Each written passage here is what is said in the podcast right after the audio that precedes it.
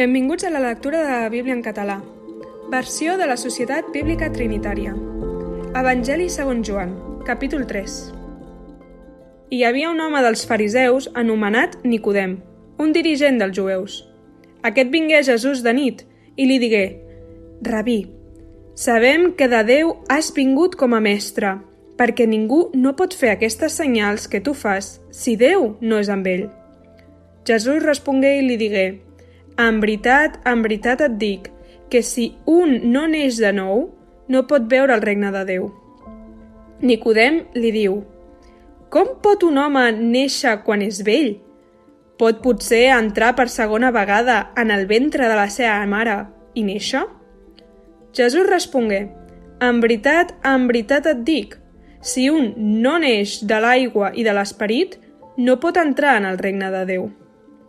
Allò que ha nascut de la carn és carn, i allò que ha nascut de l'esperit és esperit. No t'estranyis que t'hagi dit, us cal néixer de nou. El vent bufa on vol, i encens la remor, però no saps d'on ve ni on va.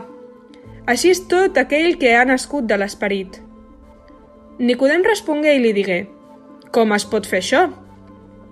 Jesús respongué i li digué, tu ets el mestre d'Israel i no saps això? En veritat, en veritat et dic que parlem allò que sabem i donem testimoni d'allò que hem vist, i no rebeu el nostre testimoni. Si us he dit les coses de la terra i no creieu, com creureu si us dic les del cel? I ningú no ha pujat al cel, sinó el qui baixa del cel, i el fill de l'home que és en el cel. I així com Moisès alçà la serpa en el desert, així cal que sigui alçat el fill de l'home, a fi que tot el que creu en ell no es perdi, sinó que tingui vida eterna. Perquè Déu ha estimat tant el món que donà el seu fill unigènit, a fi que tot el que creu en ell no es perdi, sinó que tingui vida eterna. Perquè Déu no envià el seu fill al món per condemnar el món, sinó a fi de que el món sigui salvat per mitjà d'ell. El qui creu en ell no és condemnat, però el qui no hi creu ja ha estat condemnat, perquè no ha cregut en el nom de l'unigènit fill de Déu. I aquesta és la condemnació, que la llum vingui al món i els homes s'estimaran més la tenebra que la llum, perquè llurs obres eren dolentes. Perquè tot aquell que practica el mal odia la llum, i no ve a la llum per tal que no siguin reprovades les seves obres. Però qui fa la veritat ve a la llum, perquè es manifesti que les seves obres són fetes amb Déu.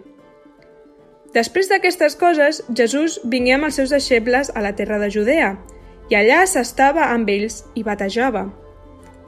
I Joan també batejava a Enon, prop de Salim, perquè allà hi havia molta aigua i venien i eren batejats, perquè Joan encara no havia estat ficat a la presó.